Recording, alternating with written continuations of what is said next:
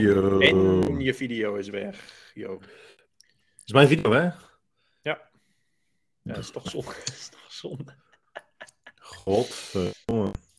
Ja, maar hij wordt nog steeds gerecord. Dus eh, hopelijk gaat het zo wel iets beter. Maar jij zei dat je internet wel beter was in- op die plek. Oké, vliegt hier even een mus tegen de ruiten. Oké. Ja, zal ik dan maar gewoon verplaatsen alsnog? Ja, dat weet ik niet. niet. Ik zit, de livestream heb ik dus, die check ik. En eh, daar zie ik je wel. Dus, Ja, maar ik, ik hoor jou ook slecht, man. Je hapert. Dus ik ga gewoon... dit is Lopend. de 34ste podcast. Hè? We hebben echt zo'n slechte technologische... Dude, ik heb fucking glasvezel, 1000 mbit per seconde. En nog steeds kan ik niet eh, op een fatsoenlijke manier. 1000 mbit. Oh, ik zie je weer. 1000 mbit is Eh, toch 100 MB? Eh, nee, volgens mij is het gedeeld door 8.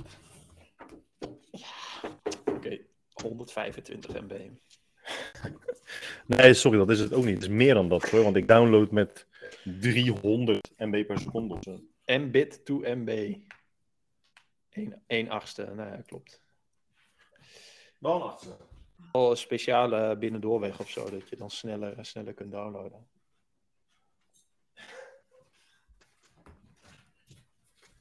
Oké, ik ben er weer. Oké. Maar ja, we zijn al Ja. begonnen.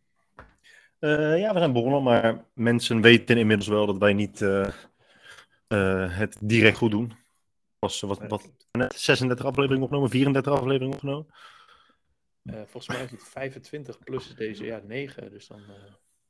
Maar eh, het is wel toevallig, Guy, want het is vandaag de dag van de systeembeheerder. Ik word daar zo. Het is, ik heb het ook zo vaak. Dan je koopt dingen of je hebt dingen, die moeten gewoon niet werken. En het doet het gewoon nooit zoals je wilde dat het doet. nee. Nee, klopt. Hoor je? Hoor je mij wel goed? Ik hoor jou hartstikke goed. Luid en duidelijk. Hallo. Zonder, eh, zonder onderbrekingen. Zonder lag. Ja, volgens mij wel. De mensen in de chat moeten het ook even melden. En dan zegt er weer twee mensen, ja, hoor, prima. Eh, Alright. Eh ja, dag van goed. systeembeheer. Mooi. dag mooi. van het systeembeheerder, maar dat niet alleen. Ook internationale dag tegen de mensenhandel. Dat is sowieso goed. Oké, oké, oké. Dat is ja. En Ja. de internationale dag van de vriendschap. Nou, kom dan, komen alle drie samen. In principe hebben wij een systeembeheerder nodig. Zijn wij twee hele goede vrienden. Ook internationaal goede vrienden. En zijn wij tegen mensenhandel. Wij zijn wel internationale vrienden. Want als je in het buitenland bent, zijn wij nog steeds vrienden. Dus dat is wel, dat is wel echt een mooie eigenschap van onze vriendschap. Sterker nog, we waren keer samen in Zuid-Afrika. Dus eh, Ja, ja dat weet ik nog, man. ja. En in principe hebben we ook gewoon één keer gezien, toch? Ja. Plus jij bent eh, Joods en ik Fries. Dus ook internationale... het- Het feit dat jij mij accepteert, ondanks dat ik Joods ben, is gewoon eh, heel... Ik zie een reclame met op fijne dag van.nl. En er staat met simpele truc oorsmeer weg. En dan een stuk of tien wattenstaafjes met lekker wat oorsmeer erop. Foto. Gadverdamme. Heb je hem gegoogeld dan? Ja, weet je, dude, ik krijg de laatste tijd ook allemaal reclames van damesondergoed. Nou, je doet echt iets verkeerd, hè? Ja, ik heb dan waarschijnlijk eh, damesondergoed zitten checken op, eh, in webshops. Dat moet, dat kan niet Dat denk, ik, dat, denk ik, dat denk ik wel. Of mijn Ja, wat- surfgedrag is, is dusdanig dat, dat zeg maar, het algoritme eh, dan denkt dat ik dit interessant vind. Nee, maar het is Maar echt, goed, het ik is heb echt ook- bizar. Ik, ik, ik, gister, gisteravond zat ik, wilde ik weer wat, even wat informatie over diamanten en zo. En ik, zoek, ik google diamant, ja, diamantzettingen. Dus de verschillende zettingen waarmee een diamant in een armband of een ander sieraad gezet kan worden. En ik heb nu de hele dag reclames op Instagram eh, voor armbanden en twee halen, één betalen en allerlei fucking sieraden die ik helemaal niet wil hebben. God, Ja, dat is, het is bizar. Het algoritme is, het algoritme is overgevoelig. Ja, ik eh, ben dus dit boek aan het lezen. Waar ligt het? Nou, het ligt hier ergens. Ehm, Oké, ik was... Ik, deze. Subprime Attention Crisis. Ik was dus eh, dingen aan het lezen. eh Freakonomics. En eh, toen zag ik eh, in de podcast... Podcast. Podcast. Podcast. Freakonomics Radio. Toen dacht ik, oh ja, dat heb ik wel eens geluisterd. Dus toen ging ik een paar luisteren. En eentje daarvan ging over of online advertenties werken. En of tv-advertenties, reclames werken. En het antwoord is, ja, waarschijnlijk niet. In ieder geval niet zo goed als iedereen denkt. En eh, daar interviewden ze dus de, ehm, de auteur van dit boek, eh, Subprime Attention Crisis. Eh, Tim Wang, nee, dit boek. En ja, daar ben ik net in begonnen, dus lijkt me wel interessant. Maar zijn, zijn, eh, hypothe- of zijn punt is dus, dat weet ik al, dat het allemaal niet, niet zo heel goed werkt. Dus je krijgt wel die advertenties, maar het is echt niet dat jij er wat mee gaat doen. Maar op welk punt, ja, ik, ik, ik, ben, ik heb die mening dus ook. En volgens mij hebben we het daar laatst nog een keertje nog over gehad. Toen ik aan jou vroeg van, heb je iets gemerkt eh, aan de verkoop van je boeken nadat je op de radio eh, was? Oh ja. traditionele media in ieder geval, in ieder geval traditionele media, lijkt te, te vergaan. En dat je daar eigenlijk je geld niet meer uithaalt als je ervoor kiest om daarop te adverteren. Maar ik heb dus inderdaad ook het gevoel dat het nu met eh, social media campagnes en online advertenties, andere online advertenties, dat de kracht daarvan ook echt afneemt. Omdat je, je wordt helemaal doodgegooid ermee. Dus je hebt gewoon continu een muur om je heen gebouwd. En daar kom je gewoon bijna niet doorheen. Nee, klopt. Dat is dus ook een van die punten. Hij zegt van mensen hebben sowieso adblockers. Je hebt allemaal robots die op advertenties klikken. Heel veel advertenties zie je niet eens. Die worden wel geladen op de pagina, maar daar scroll je langs. Of dus, daar scroll je niet naartoe. En je, wat er op je scherm staat is niet per se datgene wat je ziet. Dus de- je Mhm. kunt eigenlijk nooit weten of iemand advertentie gezien heeft. Dat is ook altijd mooi, hè? Dat je views kunt meten, maar ja, je, je weet niet wat iemand met zijn ogen heeft waargenomen. Of tenminste Nee, heeft precies. geregistreerd. Je weet alleen maar dat, Dus- dat de advertentie is geladen op de website waar die op staat. Ja, precies. En of er nou iemand naar heeft gekeken of, of niet, dat, dat, kun je, dat kun je eigenlijk niet weten. Dus dat, dat, is, wel, eh, dat is wel interessant. En ja, Maar ik zei, eh, ik, ik krijg nu advertenties van, eh van dameslipjes. Dus ik heb er Dat een paar wel besteld, maar ze zitten helemaal niet lekker.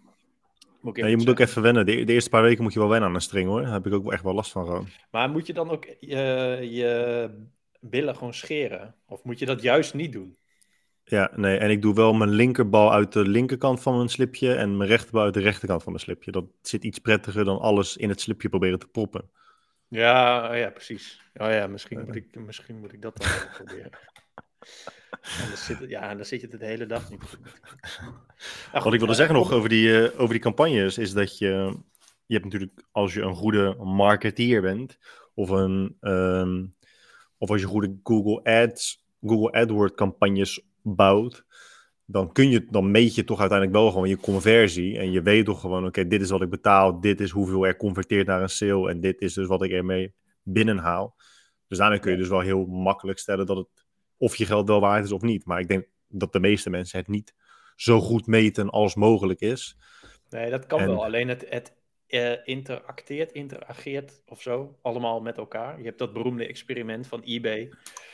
Die, eh, je hebt zeg maar bedrijven, bijna ieder bedrijf adverteert op zijn eigen merknaam op Google. Dus dan zoek, je, zoek je op eh, Nike en dan is de eerste gesponsorde, eh, gesponsorde resultaat is Nike.com. Maar daar wilde je toch al heen.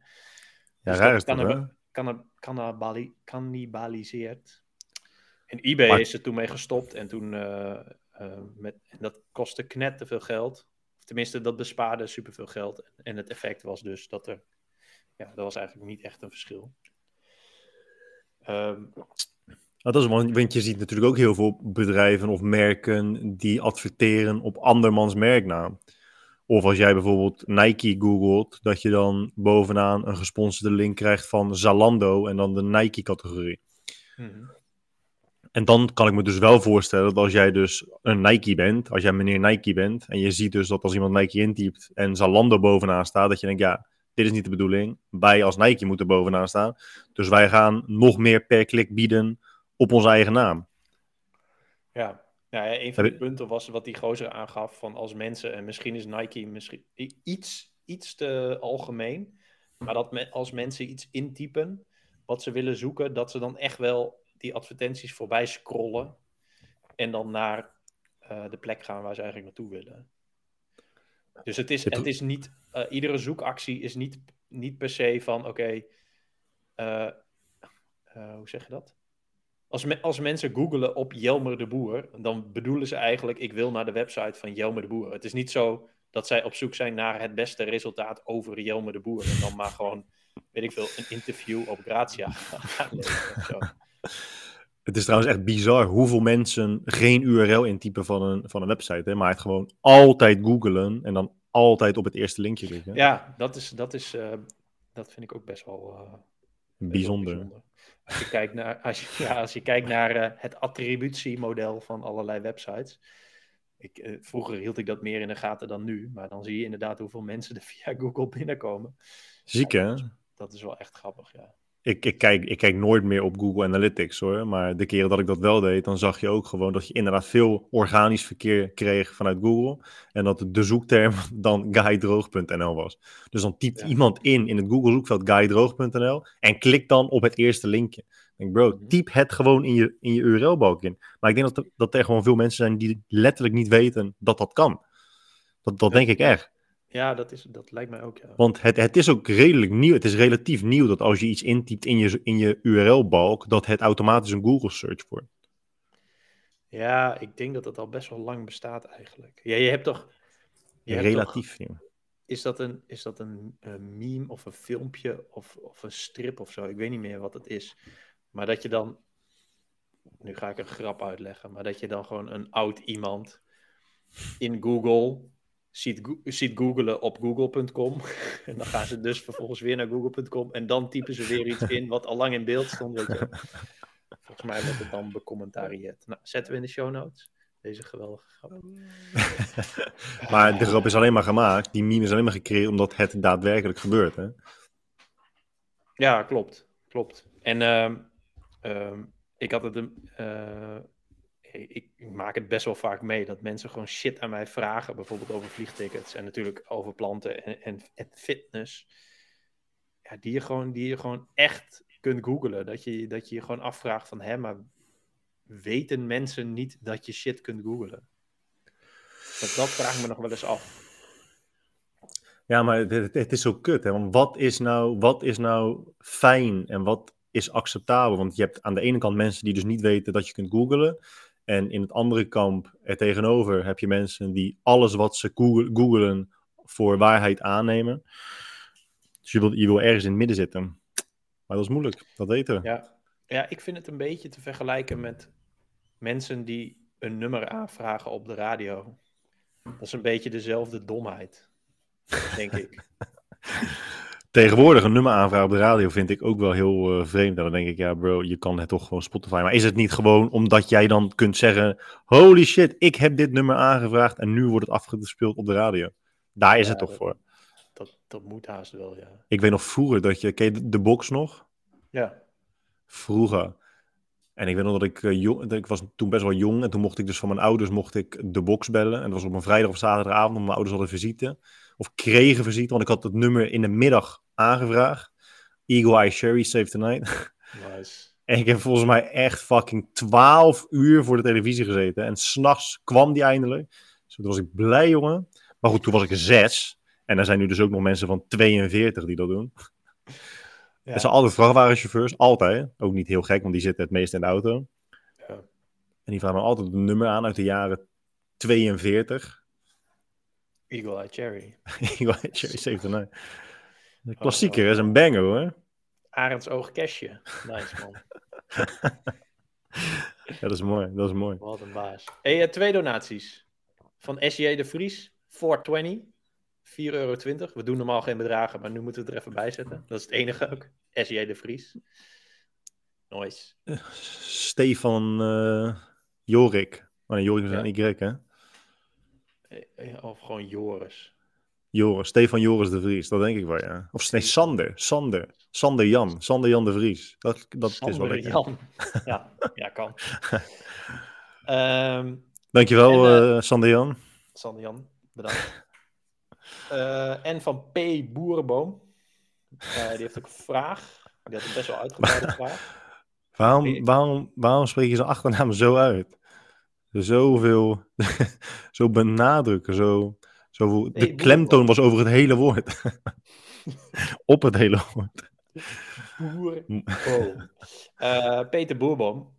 Peter Boerboom klinkt wel lekker trouwens. Die Klinkt wel vraagt, lekker. Ja. Of peer. die had een lange... In... nee. Ja, misschien komt hij uit België. We hadden het ook een keer in België. Eh, Peter Boerboom, die vraagt... Wat doe je als je in een hotel belandt met allemaal Henks en Ingrids met een handdoekje op de strandstoelen? Spreek je mensen aan, eh, meer, wat, nu komt er een soort van algemenere vraag. Spreek je mensen aan op hufterig gedrag? Of doe je live, eh, doe je live and let live? Het zou mooi zijn als je live had gezegd, want dat zou grappig zijn als je per ongeluk live... Eh, Ah. ik vind het wel een mooie vraag eigenlijk. We kunnen het best wel lang over hebben. Het heeft wel best wel te maken met ons favoriete onderwerp, namelijk service. En, en, en soort van... En Nederlanders. en Nederlanders en interacties tussen eh, eh, mensen en gedrag. Heb je wel eens die eh, YouTube-video's gezien van die hotels die dan, die dan, waar mensen dan vanaf een balkon filmen wat er rond 7 uur, 8 Ja, uur. 's ochtends Ik- gebeurt? Ik denk dat Peter Boerboom hier precies ook hierop wijst, zeg maar. Ik denk dat het een drie jaar geleden, vier jaar, misschien wel langer was. Dat het even even een paar keer op Dumpet stond, toch? Bizar, maar dat, dat, dat, zoiets heb ik echt nooit meegemaakt. Dat heb ik echt nog nooit gezien. Dat iedereen gewoon in de- Nee. in de startblokken staat en dat er een timer afgaat en iedereen als een debiel naar zijn bankje rent, naar zijn bedje rent. Nee, ja, dat heb ik eigenlijk ook nog nooit meegemaakt. Maar ik, maar ik snap het ook niet. Wat de fuck is het verschil tussen 1 meter bij het zwembad vandaan liggen of 3 meter? Ja, 2 meter is het verschil, maar in de, in de mij- echte wereld maakt het toch geen reet uit? Volgens mij was die situatie zelfs dat, dat je gewoon anders geen bedje had.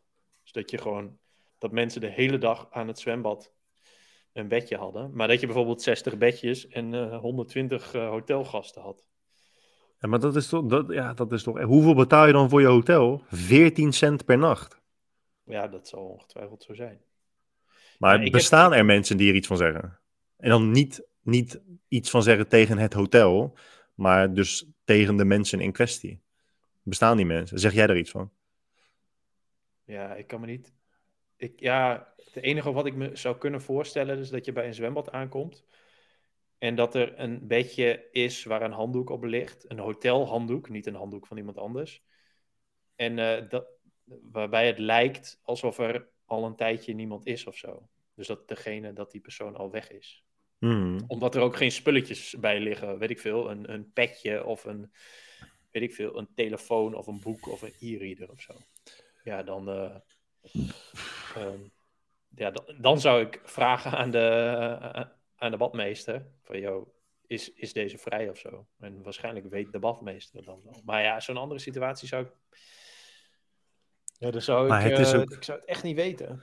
Het is ook een Maar soort ecosysteem dat zichzelf onderhoudt. Hè? Want het is een beetje can't beat them, join them. Want je komt daar aan en je ziet dus de eerste dag gelijk dat je gewoon de Sjaak bent.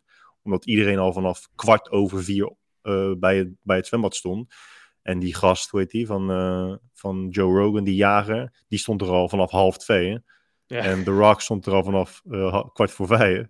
ja. Dus je weet gewoon de eerste dag, oké, ik ben de lul. Nou, wat doe je? Je gaat er niet, je gaat jij niet tegen verzetten. En dan zie je ook gelijk dat je gewoon geen persoonlijkheid hebt. Want wat doe je? Je gaat zeggen, nou, je zet er even in aan schat. Zullen wij morgen dan ook maar vroeg opstaan? En dan gaan we daar ook gewoon staan, zodat we morgen ook een bedje hebben. Want ja, wat is, wat is het alternatief? Je kunt ook zeggen, nou, ik ga hier niet meer verblijven. Ik ga naar een ander hotel. Maar laten we eerlijk zijn, dat doet ook niemand. Dus je moet er wel in meegaan. Dus het kan ook niet anders zijn dan dat het blijft bestaan. Tenzij het hotel zelf er iets aan doet. Ja, En dat heb je toch ook, je hebt dat wel steeds meer door hotels die dat gewoon verbieden. Ja, lijkt me ook. Ik weet ook niet hoe vaak dit voorkomt. Ik heb het echt nog nooit meegemaakt. En ik dacht wel toen, ah, classic Nederlanders. Want de grap was volgens mij ook zelfs dat mensen hun bedje gingen claimen en daarna rustig gingen ontbijten. Ja, ja, dat zie je, dat zie je. Ja. Ze En, leggen hun eh, bedjes neer en dan gaan ze gelijk weg. Ja, en dan even kakken en dan eh, even rustig aan. Nog een paar uur eh dutje doen. Ja, ik weet het niet. Als, eh, ja, ik weet niet. Ik zou het observeren en als dat dan gebeurt, ja, dan, en je komt bij het zwembad en er zijn allemaal dingen bezet, ja, dan flikker je gewoon een paar handdoeken weg en dan eh, ga je daar liggen. Dat zou ik doen, denk ik. Maar Nou, ik zou eerst zeker- helemaal naar de tyfus geslagen wordt. Ja, dat was heel Ferdi. Oh, god. Ja, nee, ja, ik, eh, geen idee. Maar, maar meer algemeen, zeg maar. Hu hufterig gedrag. Ja, weet niet. Ik zat laatst in de trein in de stiltecoupé met allemaal uh, met bellende mensen. Ja, dat, dat soort dingen, dat zeg, daar zeg ik dan wel uh, vaak wat van. Wat zeg je dan niet? Of doe je dan... Nee, dan, uh, dan maak ik even oogcontact en dan zeg ik hallo. Je zit in de stiltecoupé en dan is het vaak wel over. Hallo. Maar, maar ja, goed. Als het, Hallo. Als, het, als die mensen gewoon niet te stoer lijken, dan zeg ik het. En anders uh, hou ik mijn bek wel gewoon. Ja, als het een waterbuffel van 220 is, die echt totaal loslaat. Ja, maar bijvoorbeeld, bijvoorbeeld laatst. Je hebt hier van die pontjes, van die, van die veerboten tussen Amsterdam Centraal en Amsterdam Noord. Een paar, paar routes, er gaan er heel veel en uh, om de zoveel minuten. En ik stond te wachten voor eentje en er staat een, en de, de pont komt aan met mensen erop, want hij vaart gewoon heen en weer. En je hebt, er zijn vlakken gemaakt daarvoor. Je hebt een heel groot rood vlak, zodat de mensen die er afkomen gewoon door kunnen gaan. En dan aan de zijkant is het groen. Daar staan de wachtende mensen op. En zodra iedereen eraf is, kunnen die, de mensen op het groene vlak er zo weer in. Zeg maar. maar wat er altijd gebeurt, is dat er, er loopt altijd iemand naar voren die zigzaggend tussen de mensen door alvast aan boord wil. Alsof je goede plekken hebt aan boord, alsof hij anders weggaat of zo. Het slaat helemaal nergens. Maar nu stond er een dude met zo'n speaker aan, kutmuziek te luisteren. Echt pal, midden, gewoon, het sloeg helemaal nergens op. Gewoon voor die pont. Dat die kapitein van die pont ook met die, met die handen zo deed. Zo van, joh, ga even aan de kant. Die ja, deed die klep ook niet naar beneden. Mensen konden er niet af. Iedereen stond te wachten op die mogol. Alleen, ja, die zag er nogal lijp uit met een kale kop. Dat is wel echt, dat, dat, daar is alles mee gezegd ook geweest. En die stond ook zo. Dus die maakte nogal uh, ja, agressieve indruk. um, maar iemand Zo'n die... Zo hokjes denken ben jij, zeg? En die, en die tikte hem op zijn schouder. Zo van, joh, gooi zo rot even op. En toen was hij ook agressief naar die persoon, dat die persoon zijn bek moest houden en zo, dat soort dingen. Dus die was, ja, die was gewoon niet goed bij zijn hoofd. Ja, dan, dan, heb, ik, dan heb ik wel live en let live. ja, ik, ik denk altijd, ik denk meestal van oké, okay, we, we weten al hoe moeilijk het is om iemands mening te veranderen of iemand uh, ander inzicht te geven. We weten dat dat echt heel moeilijk is op het moment dat iemand iets doet waarvan bijna heel de wereld denkt, ja gozer, dit is toch gewoon achterlijk, dit snap je toch zelf ook wel. Als die gedachte in je opkomt, is de conclusie 99 van de 100 keer, nee, dat begrijpt die persoon echt niet. En als je er iets van zegt, dan uh, is de kans dat er iets verandert ook gewoon precies nul. Niet dat je altijd alles maar moet laten gebeuren maar toevallig gisteren nog, er rijdt hier een meid, rijdt op de fiets, gewoon zo'n zo'n lief, ingetogen, verlegen meisje. Die uh, fietst op het fietspad. En er komt een debiel aan, jongen. En die snijdt haar af. Die parkeert zijn auto dubbel op een winkelstraat. Voor haar neus, echt vol op de rem. Stapt vervolgens uit en blokkeert heel het fietspad. Dus niemand kan er meer langs. En je ziet, je ziet haar denken van... Oh mijn god, wat ben, je, wat ben je nou aan het doen? En zal ik er iets van zeggen? En je ziet dat ze de moed moet verzamelen. Op een gegeven moment zegt ze... Yo, dude, je kan toch een klein beetje uitkijken. Want je rijdt mij bijna voor mijn poten en nu kan niemand er langs. Hè? Kijk, kijk in ieder geval een klein beetje uit wat je doet. Je moet je bek houden tegen mij. Wat, wat praat je tegen mij? Wat praat je? Je moet je bek houden. Dan denk ik, ja, ja, ja, dit soort mensen doen ook gewoon dit soort dingen. En dit soort mensen gaan niet opeens iets anders doen, omdat uh, Karin op haar lieve fietsje daar iets van zegt. Het is echt niet dat, dat, dat zo iemand een spiegel voor krijgt en denkt, zo, oh, oh mijn god, hoe heb ik dit inderdaad kunnen doen? En wat, wat spijt het mij ontzettend. Ik hoop dat je mijn excuses aanvaardt. Ja. En vervolgens op Instagram stories het, het hele verhaal uh, met zijn inzicht nog deelt.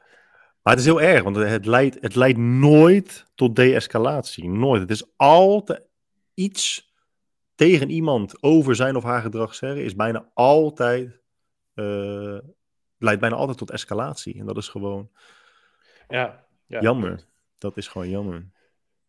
Um, ja, en, en bovendien wat ook kut is, en dat ligt gewoon, uh, en dan kan ik alleen naar mezelf kijken, dat als ik tegen iemand zeg dat hij uh, in een stiltecoupé ja, zo, vooral niet moet bellen, want ja, dan moet hij gewoon ergens anders doen. Dan zit ik ook de hele treinreis van, ja, dit is wel een soort, je hebt wel een soort van kutsituatie gecreëerd tegen die persoon. Ja, terwijl je wel gewoon duidelijk in je gelijk staat. Ja, klopt. Alleen volgens mij, en daar eh, wilde ik laatst nog wat over opzoeken, eh, maar dat heb ik niet gedaan, dus dat komt wel. Maar dat heeft wel heel erg te maken met gezichtsverlies lijden, dat mensen dat heel erg kut vinden. En daar niet goed mee om kunnen gaan. Vandaar dat mensen ook op bepaalde manieren communiceren en zo.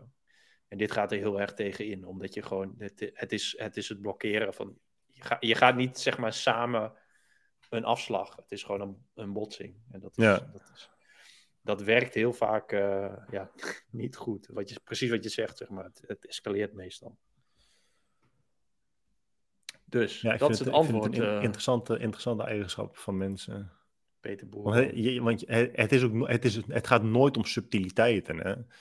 Het is niet dat je, dat je een klein tik. Bijvoorbeeld, je hebt, je hebt soms mensen in het vliegtuig die dan net iets te lomp zijn. En dan bedoel ik ook oprecht net iets te lomp. Dus elke keer als ze dan hun stoel, eh, uit hun stoel gaan, dat ze net even iets te hard tegen je schouder aantikken. Niet dat je echt denkt, holy shit, snap je niet echt wat je nu aan het doen bent? Snap je echt niet wat je nu aan het doen bent?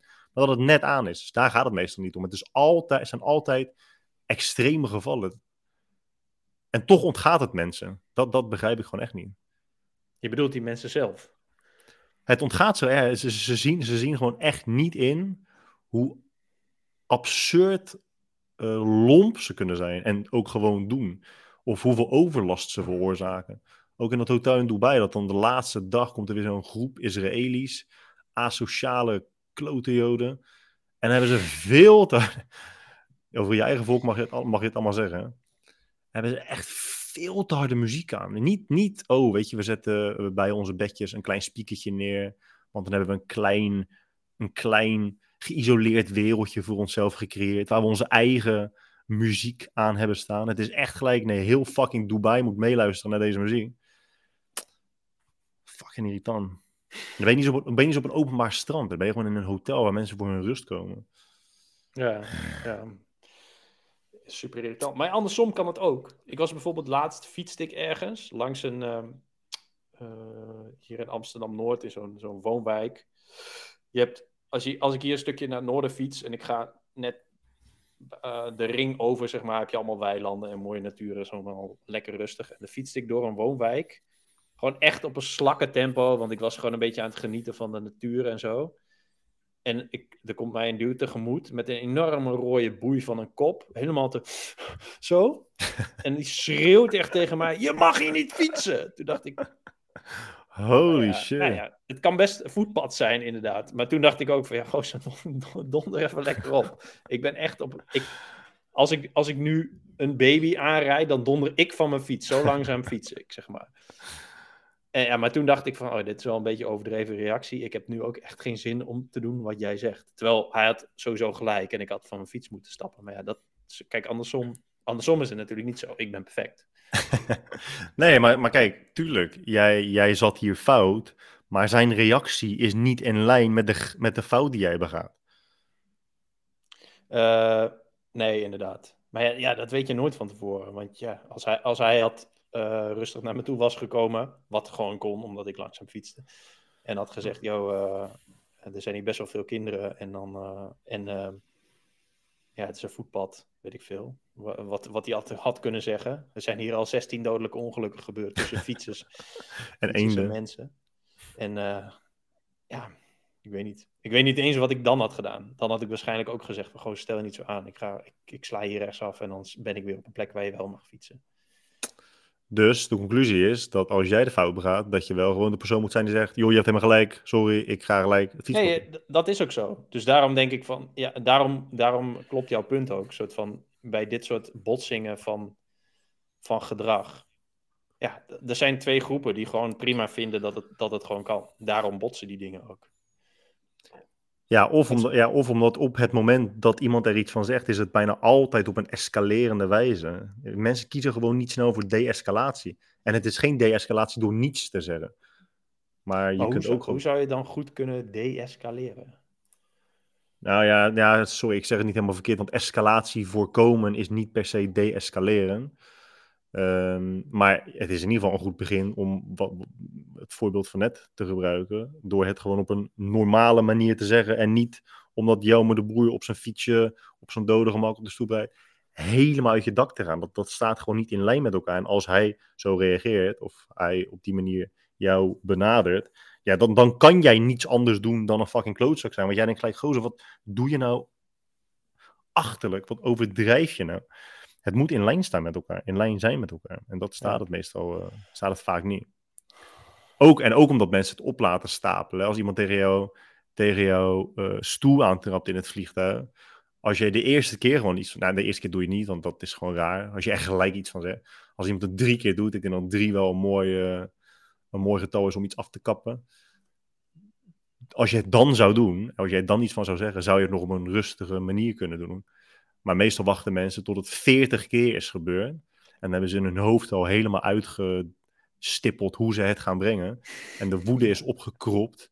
Ja, en dan, dan bereik je dat kookpunt en dan ga je uit je dak. En dan denk ja, je, maar het, het, is net, het is namelijk ook dat het uh, eh, 40 keer is ge gebeurd met verschillende mensen. Dat heb ik bijvoorbeeld met uh, in stiltecoupés of, of mensen die hun uh, muziek op speakers afspelen op plekken waar gewoon honderd andere mensen zijn.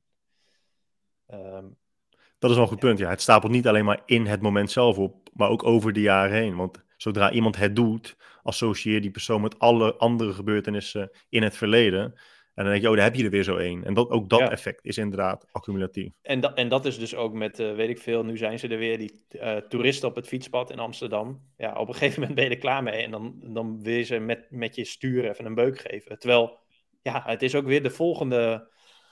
Uh, ik wil nu een Spaanse vrouwelijke naam verzinnen, maar ik kan echt niks verzinnen. Uh, Gabriella. Magdalena. Gabriella. De volgende Gabriella, die gewoon echt net is aangekomen in Amsterdam en geen idee wat een fietspad is. Ze heeft niet eens een fiets in, in uh, Compostela, de, weet ik veel waar ze vandaan komt. En die staat echt gewoon, die is helemaal overdonderd door wat er gebeurt in Amsterdam. En dan komt Jelme de Boer met zijn chagrijnige harses en zijn fiets haar een beuk geven op het fiets. ja, dat is ja, dus je, ja. Nee, nee. Andere mensen mogen niet het slachtoffer worden van jouw frustratie voor andere mensen uit het verleden. Want dat is precies hoe kinderen van 15 met een Kalashnikov een middelbare school inlopen. Ja, dat is zo. Ja. Dus ik hoop dus, dat jij uh, geen uh, gevaarlijke vuurwapens in je omgeving hebt. Nee, ik denk ook dat ik iets vaker moet mediteren. Ja, maar je, je ziet ook gewoon gekke dingen. Want ik, ik zat laatst op een Felix-scootertje, want ik heb nu geen auto meer. Dus ik, ik rijd dan veel, veel op Felixjes. Want ik trouwens niet begrijp, ik snap niet hoe alle studenten op Felix rijden, want een Felix is knetter duur. Ja, dat en, dat, uh, precies dat vroeg ik me laatst ook af. Dacht ik, hè, maar goed, je hebt ja, helemaal geen geld als je studeert. Nee, goed. Nee, ja. ik snap, ik, ja, de, de, gemiddelde student in 2021 die gaat vier keer naar de Starbucks, Starbucks op een dag. Die betaalt 12 euro voor een caramel frappuccino. En die gaat daar, gaat daar met een Felix naartoe, waar die 6 euro voor betaalt. Dus ga je koffie halen, ben je 23 euro kwijt voor je ritje en je koffie. Maar goed, dus ik rij, ik rij op een Felix, uh, die van 30 km per uur. En er komt een gast die rijdt mij voorbij uh, met iemand achterop op zo'n snelle Felix, die dus uh, 50 km per uur gaat. Op het fietspad waar die niet had mogen fietsen. En verderop zie ik een, uh, niet had mogen rijden, ja. En waar, verderop zie ik een, een vader naast zijn dochtertje rijden op de fiets. En die vader rijdt naast haar, links van haar, omdat zijn dochter dan aan de stoepkant kan fietsen. En hij in haar buurt is. Maar goed, hij blokkeert wel inderdaad een deel van het fietspad. En iemand die dus niet eindeloos gefrustreerd is, die doet het gewoon van een afstand, remt af, wacht tot die vader voor of achter haar rijdt en gaat hem vervolgens inhalen. Bro, dit heb ik echt nog nooit gezien. Deze gozer op die scooter rijdt echt vol op die vent in en rijdt gewoon door. Echt gewoon, gewoon hard, hè? Ik dacht echt, what the, what the fuck is dit nou? Eh, maar dit, dit is precies wat jij net zegt. Dat iemand is dan waarschijnlijk gewoon gefrustreerd. Um, of door alle, alle andere fietsers uit het verleden die hetzelfde hebben gedaan. Of omdat hij gewoon een kut had. En er dan gewoon vol afreageert op één persoon die het echt waarschijnlijk helemaal niet heeft verdiend. Ja. Maar ja, Hier gebeuren wel veel gekke dingen. Nee, maar je, nee, je, kan het alleen, je kan alleen maar voorkomen dat je het zelf doet. Dat je niet ook zo'n persoon wordt. Ja. Ja, ik denk, ik denk gewoon echt dat, uh, dat het mediteren is. En, maar, uh, maar je, Amsterdam... eten. Wat? Amsterdammers klagen altijd over toeristen en zo in Amsterdam. Maar als Amsterdam geen toeristen had, was het echt de saaiste plek op aarde. Maar Amsterdam is echt... Het is gewoon echt zo druk en onoverzichtelijk vaak. En zelfs gewoon voor mensen die hier wonen. Ik was laatst in Amsterdam. Dude, ik neem een verkeerde afslag. ik neem een verkeerde afslag en ik beland dus op een tram. Waar, waar kwam ik? Op een trambaan? Ik beland op een trambaan en ik kon er niet meer van af. En ik moest echt behoorlijk lang op de trambaan rijden voordat ik er weer ergens af kon. kon. Was in de buurt van Centraal. En echt iedereen kijkt dan ook naar je. Want zelfs, zelfs toeristen zien dat jij ergens met je auto rijdt waar je gewoon niet hoort te rijden. En toen reed er een uh, politiebusje langs me. dacht ik, ja hoor, nu krijg ik natuurlijk een fucking dikke boete. Maar ik werd uh, gelukkig gespaard. Maar het is niet altijd even makkelijk uh, jezelf door, door Amsterdam heen bewegen. Nee, het is super auto-onvriendelijk. En daar is dus een reden voor. Dat je met de fiets wel redelijk goed um, de stad door, kan doorkruisen. Tenminste, als je kunt fietsen. Als je Nederlander bent en iedere dag van je leven gewoon je hele leven hebt gefietst. Dan, ja, en voor elke, voor elke echt, echt een groot verschil. Ik vind, het, ik vind het echt heel mooi om te zien dat er gewoon moeders met twee kinderen op de fiets en, en 80 kilo aan boodschappen gewoon echt een beetje zo smooth sailors zijn. En dan al die toeristen op die fietsen zo. ja, dat is echt een heel groot verschil. Heb ik dus de verhaal dat van mijn neef uit Israël die in uh, Nederland kwam. En die wilde fietsen op mijn fiets. Nee. Zo'n mooi, mooi, een van mijn jeugdverhalen. Doan vraagt, heb je gepaft? Zo, wij hebben één keer gepaft toen we in Amsterdam waren. Toen gingen we bij Momo eten. Toen waren we echt zo knetterstoned. Het was echt niet te doen. Maar goed. Um, mijn neef, mijn neef uit Israël, die uh, waren best wel jong. Ik denk wel een jaar of twaalf waren of zo. En hij landt de eerste dag hier, of tenminste hij landt en hij komt, hij komt echt, hij is net bij mij thuis. En hij zag mijn fiets staan. Ik had nog best wel een mooie nieuwe rode mountainbike. Hij zegt, ik wil fietsen. Ik zeg, je kan niet fietsen, want mensen in Israël fietsen niet, want je hebt alleen maar bergen overal, dus dit, gaat je gewoon niet lukken. Nee, nee, nee, ik kan wel fietsen. Zonder te overdrijven, ik denk dat hij vijf minuten op de fiets zat. En hij valt zo naar de zijkant, gewoon heel lomp ook, weet je wel. Maar hij valt over ons hekje bij de voordeur. En zo'n heel laag hekje met van die hele botte punten eraan. Dus hij valt echt heel lomp, niet hard. Hij staat op en we kijken naar zijn been, hij had een korte broek aan. Is die gewoon echt gewoon, die, die punt is door zijn bovenbeen heen gegaan. En je ziet het vet uit zijn been, zie je eruit druipen. Gewoon, komt gewoon echt zijn been uit. En we waren jong en mijn ouders waren er niet. Dus ik zeg, oh mijn god, kom snel naar binnen, de keuken in. Pak ik een handdoek, raap ik het vet echt van zijn been op, zo veeg ik weg. Schuif ik en proep ik vervolgens terug in dat gat in zijn been. Oh mijn god, echt fucking. Een soort mayonaise wat er dan uitkomt. Alsof je mayonaise uit een tube tandpasta knijpt. Maar dat, uh, ja. Hoe, zo, wat voor beenvet hebben mensen dan? Ja, gewoon beenvet. Oké. Ja, dat komt, maar goed, hij wel moest wel daarna naar het ziekenhuis, neem ik aan. Ja, zo. Hij heeft nog steeds echt een fucking lelijk litteken daarvan. Dat was echt... Ik heb echt gekke dingen met die rozen meegemaakt. Ja, dat is wel, uh, dat is wel kut. Ja. Uh, maar uh, ja, en dus dit was met Doan op de vraag van Peter Boerboom. Dit... heel deze aflevering staat gewoon in lijn met, uh, staat in het kader van, uh, in het teken van zijn vraag beantwoorden. Oh ja, dat is trouwens wel zo. Als je toeristen die op het fietspad lopen erop wijst van, joh jongens, uh, jullie staan op een fietspad, even oprotten. Kun je misschien, je kunt hier ook hier lopen, dit is een, dit is een trottoir. Dan gaan ze ook direct aan de kant, zeg maar. Dus dat is wel ja, het verschil. Omdat ze, ze weten het vaak inderdaad gewoon niet. Ook in Israël en waarschijnlijk ook in Turkije. Fietspaden bestaan niet, hè? O nee. Niet overal ter wereld. Dit is gewoon een heel nieuw concept. Ik zag laatst op Instagram, post iemand van, voor mij op, op, op Led Bible of zo, van holy shit, kijk dit systeem in Duitsland. Als je je gekochte plastic flessen inlevert, krijg je daar een bepaald bedrag voor terug. En dan zie je al die Amerikanen zo reageren met holy shit, dat is echt fucking bizar. Dat moeten wij hier ook hebben denk ik, bro, in welk tijdperk leven jullie? Motherfuckers. Echt, dus het stenen tijdperk. Maar hetzelfde geldt voor, voor fiets, uh, fietspaden. Wij zijn daar zo aan gewend. In Israël, als je, als je in de auto rijdt, dan rijdt er gewoon soms iemand op de vluchtstrook, op de snelweg, op zijn fiets. Dan denk je ook, bro, wat ben je, wat ben je hier aan het doen? Het is 72 graden. Je, je overlijdt binnen nu en een half uur. Ja, ja, dat heb je overal. Zuid-Afrika heb je het ook wel gezien, toch? Ja, man. Ja, daar, daar wandelen ze ook gewoon uh, van het ene dorp naar het andere dorp. 290 kilometer lopen? Uh, waar gaan we het over hebben? We, hebben, we, hebben, we moeten beginnen. uh, vorige keer uh, fitnesspodcast. Uh, was goed ontvangen. Leuke reacties gehad. Is dat zo? Geluisterd ook. Ja. Dus misschien komt, komt hij binnenkort wel terug. Het was, Eh, het, het- ik moest, het was god voor een interview met mij, man. Het was geen podcast. Ik had gewoon eh, drie dagen keelpijn daarvan. Nou, dan gaan we een keer over, over planten of over vliegen en dan interview jij mij. Oh ja, dat was toch dat was de afspraak. Dat we alleen maar zouden gaan podcasten over planten de eerste volgende keer. Nou, Wij hebben ook een plant gekocht nu, hè? Echt een mooi ding. niet?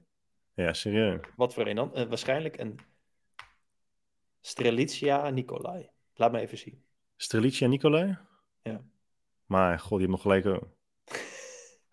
Ja, iedereen heeft deze motherfucking plant, hè? Ja, dit koopt iedereen. Het is of een Monstera of deze. Alleen Monstera is wel een klein weer een beetje oud nieuws. Nou, nu Hij is wel groot. Ik ga hem laten zien aan je. Ja. En aan alle kijkers. Ja, hallo. Zie je hem doen? Zie je Ja, doen? heb je hem.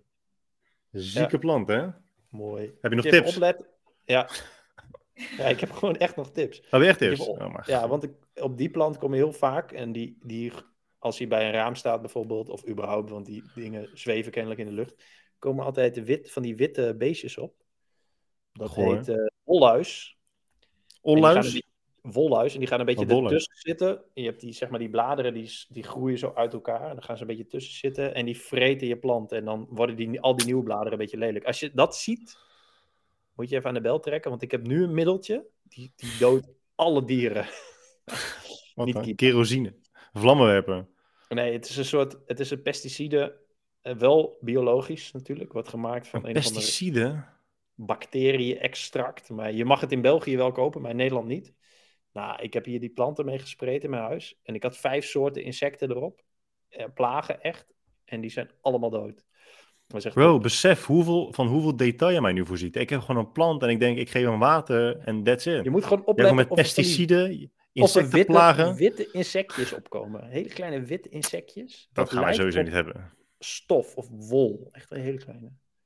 Ja. Ik ga gewoon als poortwachter bij het raam staan. eh, Dat er geen... Want hij staat bij het raam, zag ik al. Dus als je het raam openzet, dan raam. waait er weer wat naar binnen. En dan is zo'n wolhuis die denkt... Ha! Ik ga me hier, ik ga me hier vestigen. Got you, bitch. Heel mijn Ja. fucking plant weer naar de malle moeren. Maar dan krijg ik wel, kan ik wel een andere plant kopen. Een Precies. Precies. Ik wil een hele grote cherry blossom, weet je. Dat heel je huis gewoon vol staat met van die cherry blossoms. Ja, ik zat ook wel eens aan te denken om uh, echt mijn huis jasmijnplanten te kopen. Ik heb dat één keer voor mijn moeder gekocht. Toen zei ze, deze plant stinkt. Toen zei ik, het is jasmijn. Deze plant stinkt. Ja. nou ja, goed.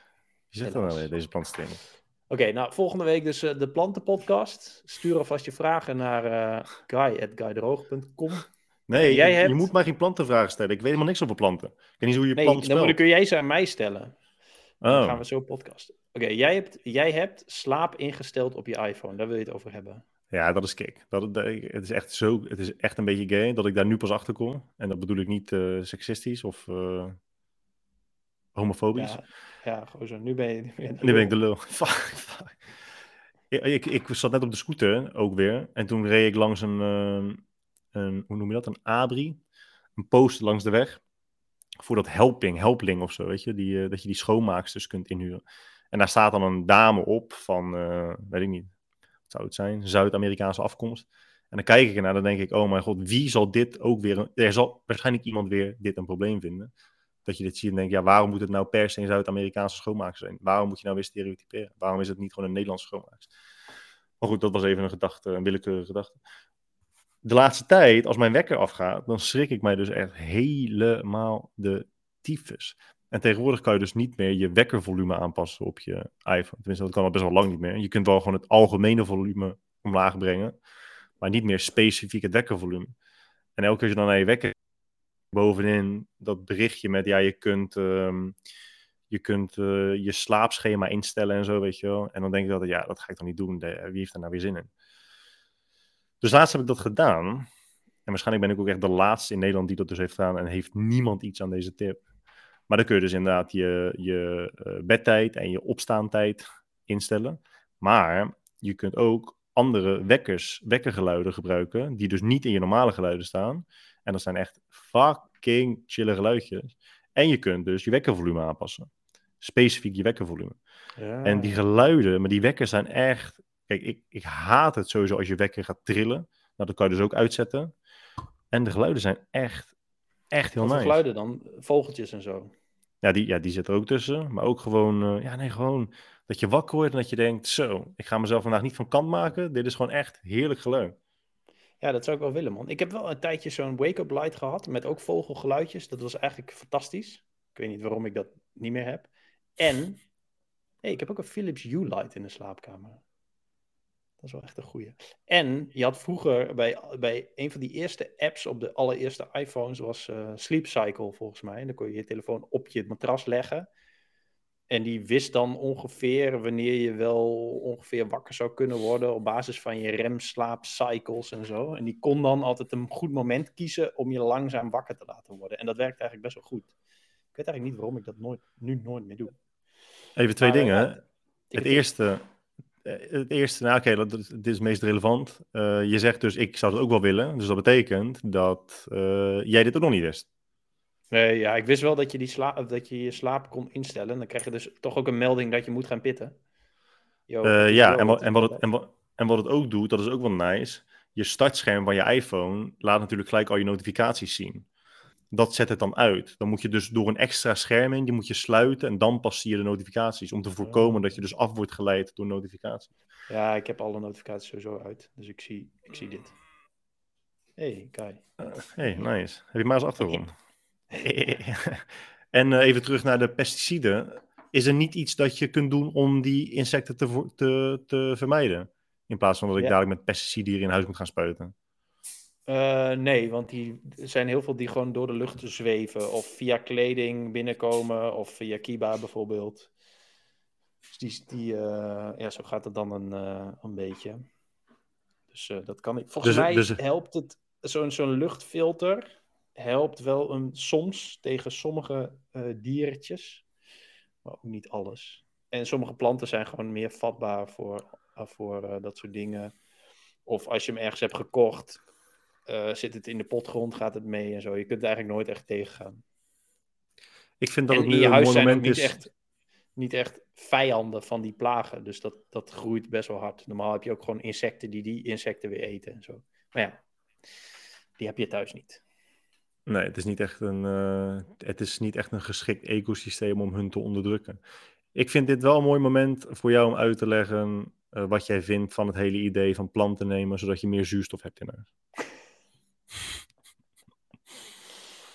Ja, het is, het is, een, eh, het is een hardnekkig. ehm, het, het is gewoon knetterdom. Het is knetterdom. Ja, de lucht, de, de, de atmosfeer, de lucht bestaat voor volgens mij 20, komma zoveel procent uit zuurstof, 78 procent uit eh, stikstof, daar kun je niks mee, en iets van 2 procent uit CO2. En dan nog een beetje andere gassen. En zo'n beetje iedere plantenboekschrijver, plantenblog, plantenverkoper vindt dat als je planten in je huis zet, dan heb je extra zuurstof. En dat is gezond en goed. Terwijl ieder huis is normaal geventileerd. Iedereen zet wel eens een raampje open of een deur open. Het slaat helemaal nergens op. Alsof één plant opeens zorgt dat je 60% zuurstof in je huis hebt. En dan nog, wat dan nog, zeg maar. Dan zou je niemand dan- last je- hebben van COPD ook. Dan hoef je ook eh, drie keer minder te ademen. Dan kun je gewoon dit doen.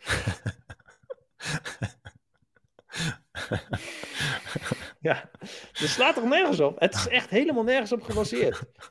Zuurstofplanten. Alle fucking planten zijn zuurstofplanten. Alle, alle, gewoon alle planten die bestaan, die nemen CO2 op en stoten weer zuurstof uit. Het, eh, Is het niet een beetje vergelijkbaar met wat je in de fitnessindustrie ziet? Dat op een gegeven moment was natuurlijk de conclusie: eh, eiwit is goed voor je. Dus weet je wat we doen? We stoppen overal. Dus nu heb je eiwitkoekjes en eiwit eh, pindakaas en eiwit, Eiwitwater. aardbeien. Eiwitwater heb je zelfs. Ja, dat is de laatste. Eiwitwater. Want gewoon, er- je kan nooit genoeg eiwit binnenkrijgen. Dus je moet alles wat je consumeert, daar moet extra eiwit aan toegevoegd zijn. Is dat niet hetzelfde als, als dat? Dat mensen zeggen, ja, zuurstof. Ja, zuurstof. Ja, ieder- iedereen weet toch dat dat heel erg goed voor je is. Dan, ma- dan denken je hersenen dat je meer kunt ademen en dan maakt het een stofje aan. Ja, ik, ik denk dat het nog veel kutter is eigenlijk. Omdat, Het is goed voor de wereld. Je, we moeten bomen hebben. Je moet niet te veel bomen kappen, want dat is slecht voor de wereld. Dus je kunt maar beter planten in je huis zetten voor meer zuurstof. hij moet, er, er moet een CO2, er moet, er moet gedurende de komende tijd meer CO2 worden opgeslagen. Omdat dat uit de lucht gehaald moet worden. En dat kan dus met planten. Maar dan moeten die planten wel blijven leven. Want zodra ze doodgaan, dan wordt, gaat al die CO2 weer de lucht in. Wat je dan beter kan doen, is zorgen dat IKEA superveel meubels maakt. Want dat is gewoon opgeslagen CO2. Ehm, dat eigenlijk. Gewoon hout. Dat is interessant.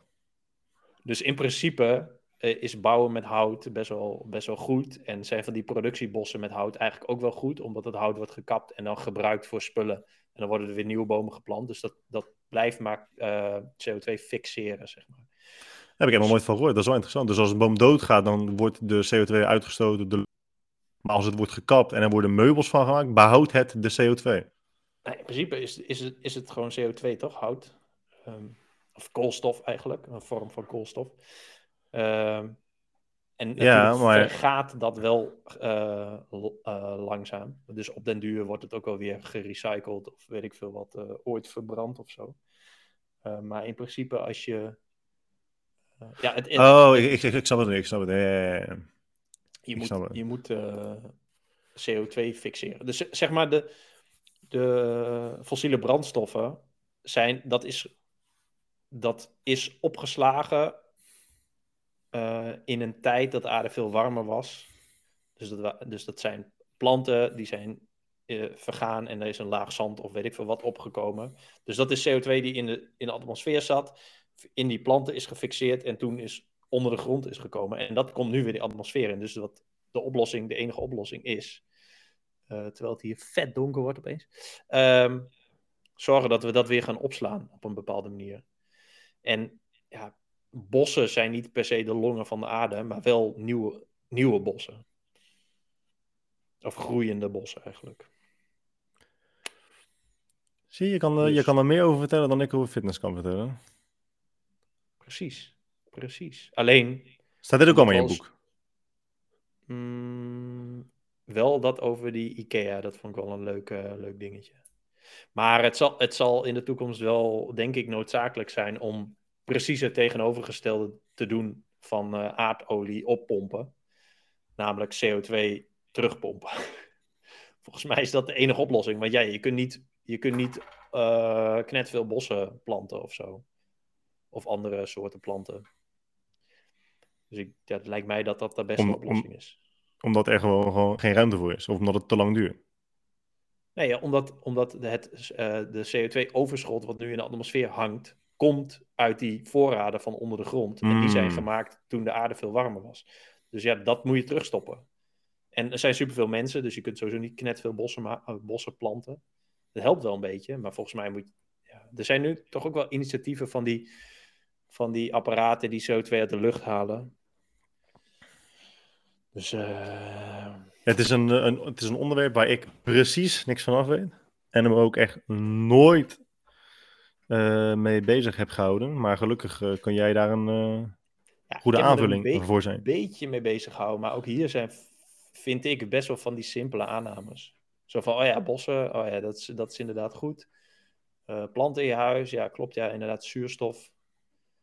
Ehm, ja, en luchtzuiverend, ook altijd heel belangrijk, luchtzuiverend. Want er zitten allemaal stofjes in de lucht die iets doen. Gezuiverd moeten worden. En planten zuiveren die. Ja, ik, dat uh, dat ja. is echt de equivalent van, uh, van detoxen. Dat, uh, dat kun je dus kennelijk ook met planten doen. Stofjes. Ja, het klinkt gewoon zo aannemelijk allemaal. Het is, ja, het klinkt aannemelijk. Het is, niet, het is niet logisch, maar het klinkt wel gewoon aannemelijk. Je hoeft er gewoon verder niet over na te denken. Je kunt gewoon denken, oh ja, daar zit inderdaad wel wat in. Ja. En het is weer een leuke marketingstrategie. Lennart, leuk in de chat. Sorry dat ik wat later ben, maar leuk dat ik weer kijk. Ja, is wel zo. Is wel Goede beeldkwaliteit, guy. Ik weet niet of dat sarcastisch is uh, of niet. Ik hoop het niet. Zou het sarcastisch zijn of niet? Uh, nee, ja, die van jou is wel beter dan die van mij op dit moment. Is gewoon sterk. Ik ben gewoon, ja, die is gewoon top. Oh ja, hij is gewoon scherp, ja. Bij mij regent het nu keihard, dus is, is het lekker donker. Ja, in Amsterdam regent het wel vaker. Rotterdam regent het bijna nooit hey, uh, Guy, ik wil het over twee dingen nog zeker hebben. Over uh, Bezos en uh, Branson. Bezos en Branson. En over Olympische sporters. Bezos. Oké, nou, eh, ik eh, vind dat helemaal goed. Eh, welke Want wat is je? Laten we het even over de Olympische Spelen hebben. Ik heb daar echt eh, niet naar gekeken. Een van onze klanten die in de gym traint is eh, Brit Eerland. Die heeft meegedaan. Die doet pingpong? tafeltennissen. Pingpong. ja. Zij is pingpongster. Olympisch pingpongster. En dat is eh, ja, wel leuk. En dat is wel heel tof. En ik vind het ook wel een toffe sport. Tafeltennis is een beetje hetzelfde als bowlen. Weet je, dat, dat doen, dat doen Danny en Karin dan één keer in de drie jaar. Dan gaan ze steengrillen en bowlen. En dan gooien ze 60 punten. En dan zeggen ze, ja, ik kan zo goed bowlen. Dan denk ik, bro, wat gebruik jij als referentiekader om te concluderen dat jij dat goed kan? Maar dat is met tafeltennis ook. Weet je, dan ga je één keer in de vier jaar ga je naar Centerparks. En dan tafeltennis je tegen je tante, die twee tanden heeft en acht vingers. En die maak je dan helemaal af. Die slacht je dan af met tafeltennis. En dan ga je tegen mensen zeggen, hij kan zo goed tafeltennis. En dan denk ik, maar De beste Hoe- van de hele familie. ik kan zo goed tafeltennis. We hebben zo'n jongen die bij, die bij mij traint, die zag, die zag Brit dan af en toe. En dan zei hij ook gewoon tegen haar, en bloedserieus, zonder te blikken of blozen, zei hij gewoon, ja, als ik echt een goede dag heb, dan kan ik echt wel een paar punten maken tegen jou. Bro, maar jij tafeltennis drie keer per jaar. Je hebt tegen een Olympisch tafeltennister. Dat, dat, ga je gewoon, dat gaat je gewoon nooit lukken. En verder dan dat kom ik eigenlijk niet. eh, wat, wat ik wel, wat ik wel raar vind met Olympische Spelen, dan denk ik, holy shit, sinds wanneer is dit een sport? Niemand Ja, doet dit, alleen jij. En je bent vier. Je, de, de deelnemers worden ook steeds jonger. Met skateboarden, de, de top drie is allemaal twaalf. En waar, waar zitten naar het kijken? Ik, eh, ik ben ook heel erg benieuwd. Wat, wat zijn de voorwaarden eigenlijk van een sport dat die Olympisch moet zijn? Of kan zijn? Of is het ook Ja. weer een soort van comité? Klinkt wel, klinkt wel plausibel, die dat bepaalt. Met een lobby. Ja, dat, dat denk ik. Maar ik, ik, ik, dacht ook dat, ik dacht dus ook dat populariteit wel een belangrijke graadmeter was. Maar dan zijn dingen als ja, fucking beerpong is bijna een Olympische sport. En bijvoorbeeld powerliften nog steeds niet, volgens mij. En dan denk ik, ja, ik, ik ken niemand die is scherpschutter, maar dat is dan wel een Olympische sport met vier deelnemers. En grotere sporten zijn dat dan weer, eh, weer niet. Ik vind het gewoon bijzonder. Scherpschutter ook. Die schieten ook. Dan moeten ze allemaal boven op een gebouw liggen. Zo heet die sport toch? Je hebt toch, je hebt toch ook scherpschutter nu? Scherpschieten. Heet dat zo? Scherpschutter. Nou, Ja, waars- even waars- live- waarschijnlijk- live. Waarschijnlijk heet het geen scherpschieten, maar ik vind het wel gewoon een leuk woord. Nee, nee. Olympics. Scherpschutteren. Ja, gewoon schieten. Luchtpistool. Goud voor Iran. Luchtpistool, is dat de naam? Is dat beter dan scherpschieten? Schieten. Maar, maar, maar besef dat dat een Olympische sport is. Luchtpistool. Ja, nou ja, ja. Ik, ik, eh, ik, Maar- en wat ben je dan? Als je daar... Nou, nou hoeft niet, dan moet je alleen, hoef je alleen maar te luisteren. Oké. wat, wat, hoe heet dat dan? Als je, dus, als je dus aan die sporten deelneemt, wat ben je dan? Luchtpistoler. Schutter van, bij, lucht, bij de luchtpistool. Je hebt ook helemaal geen, geen, eh, hoe heet dat, geen terug, hoe noem je dat nou? Recoil? Terugslag. Je hebt geen terugslag met een luchtpistool. Dus daarom zie je, je hebt ook die foto nu eh, die rondgaan. Zo'n meme. Dat die, ehm, dat die met één hand gewoon staat te schieten zo. Heb je dat niet gezien? Nee. Van Oh. Olympische sporten. Ja, en dat is dus een scherpschutter. En die schiet dus met één hand en die staat met één hand in zijn zak. Nou kijk, ik ben echt geen sportman, maar als jij een sport kunt uitoefenen terwijl je met één hand een pistool zet en de andere hand in je zak hebt zitten, ja, dan is het toch geen Olympische sport. Dat vind jij. Dat, vind, dat mag vind jij toch dat- vinden? Ja, Dat mag jij Ieder- toch gewoon vinden? is, mijn, is mijn waarheid. Is mijn Recht waarheid. op, jou, recht op jouw mening. Nou goed, eh, nee, ja, wat Lennart zegt, dat vind ik ook een beetje vreemd. Voetballers, die mogen meedoen. Maar je mag maximaal 23 jaar zijn. Maar er mogen twee dispensatiespelers mee, die ouder dan 23 zijn. Dus ja. Ja, dus je bent helemaal niet de beste van je sport. Want het heeft dus, je bent de beste van jouw sport tot aan de leeftijd 23. En met boksen was het toch ook eerder altijd dat je eh, wel mee mocht doen, maar je moest wel amateur zijn of zo? Ik ben Japan van die raar. Daarom vind ik het, het slaat helemaal, ik vind het helemaal niet leuk, man. Maar wat ik dus vind, grappig vind, het enige wat ik grappig vind, voor de rest vind ik het, ik vind sowieso eh, topsporters interessante mensen. Omdat, eh, ja, die zijn het beste in het ding wat ze doen. Dat vind ik altijd super interessant. Volgens mij Tot aan de leeftijd er- 23? Ja, oh, precies. in, eh, bij in de algemene zin. En eh, wat ik altijd wel heel grappig vind, is dat het daardoor ook wel echt hele beperkte mensen zijn. Egoïstisch, asociaal. Maar dat, is, dat heb je ook nodig om een soort van eh, om die volledige focus op je sport te hebben. Dus dat, dat maar ja, moeten we niet vergeten.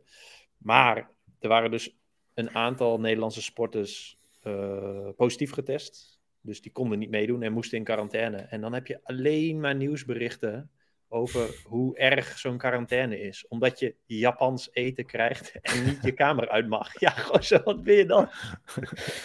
Luister, je, mag in, je moet in quarantaine. En eh, ja, de deur is wel gewoon open. Je kunt wel gewoon dingen doen. Maar je moet wel in quarantaine.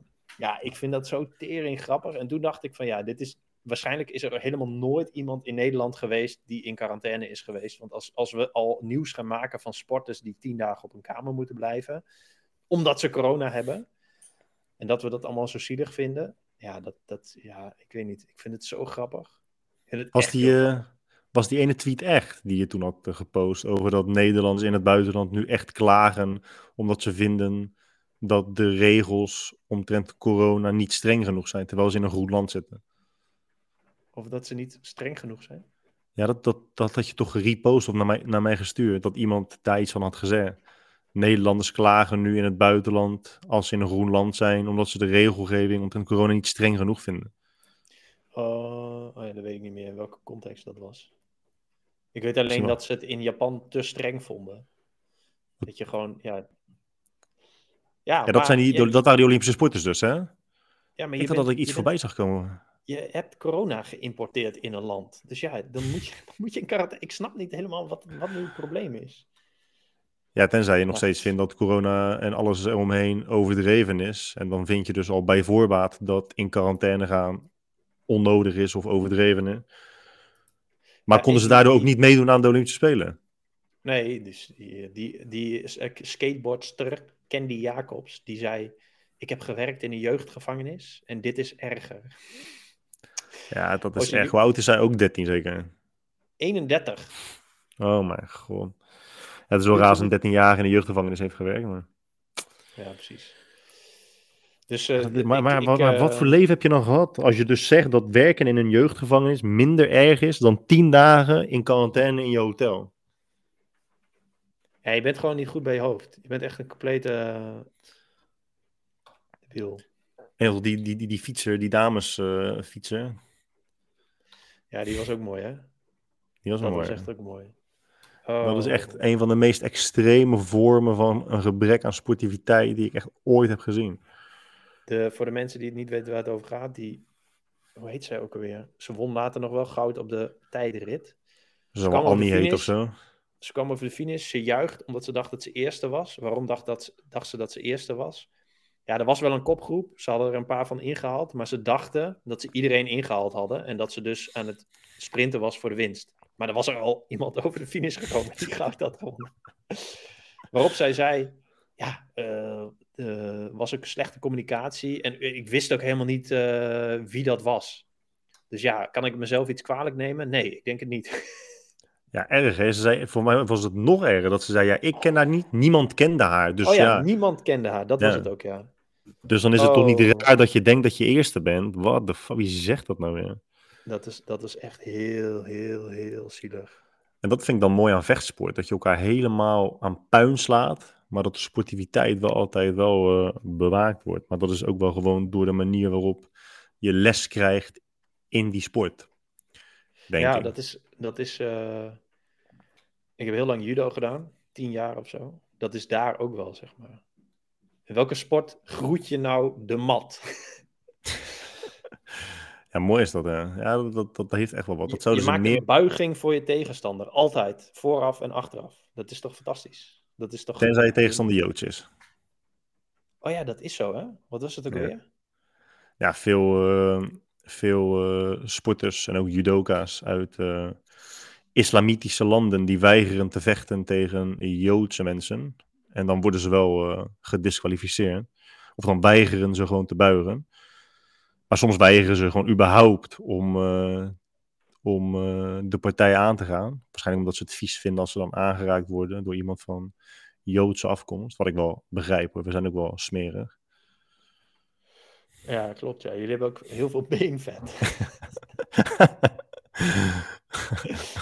dat is wel echt nasty. Wij hebben heel veel beenvet, ja. Ja, Ehm, ja Do- nee, maar dat, dat is echt Doan zegt, eh, Doan zegt in de chat, nee, stop bro. Maar ik weet echt niet waar hij naar refereert. Ja, het loopt iets achter. Ja, ik denk iets over judo. maar Dat, dat, dat... I don't know. Ehm, maar eh, ja, de Olympics. eh, leuk man. Ja, ik, heb, ik kijk niet zo heel veel, want het is natuurlijk ook s'nachts. Je hebt Ehm, ook, je hebt ook nu die sport basketbal. En dan is het 3 tegen 3. En dan allemaal op hetzelfde net, bij dezelfde basket. Heb je dat ook gezien? Ja, ik vond, het, nou? vond het wel vet uitzien. Alleen het zag wel echt, echt uit alsof het een campingspel was. Juist, ja. En dan zie je ze gooien. En ze gooien gewoon wel eens airballs. Dus dat je gewoon de basket niet eens raakt. Nou, dat, dat zie je in, in normaal basketbal zie je dat wel iets minder. Maar het is inderdaad... eh Dan zegt... Volgende week speel je drie uur per dag. Ja, dat is wel... Ik ga dus woensdag naar Turkije. Eh, Oh, misschien wel podcasten. Oh, dan moet ik mijn microfoon meenemen. Als een fucking wappie.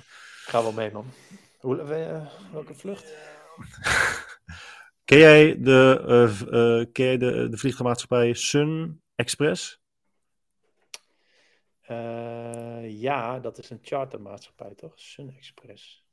Daar vlieg ik mee volgende week. Dus wellicht is dit de laatste podcast die wij ooit zullen opnemen. Ja, ehm, ja, nou ja. Daar serveren ze, als maaltijd serveren ze zweepslagen. Sun Express. Ik zit even heel snel te googlen. Ja, ja nou ja, leuk. Ik wil, nu, ik wil niet eens weten hoe hun logo eruit ziet. Ja, Geel waarschijnlijk, in paint gemaakt. nee, ja, het ziet er wel echt paint, painterig uit. Ja, best wel, best wel oké wel. Met een spuitbusstoel. oh, die spuitbusstoel, dat vond je vroeger zo mooi.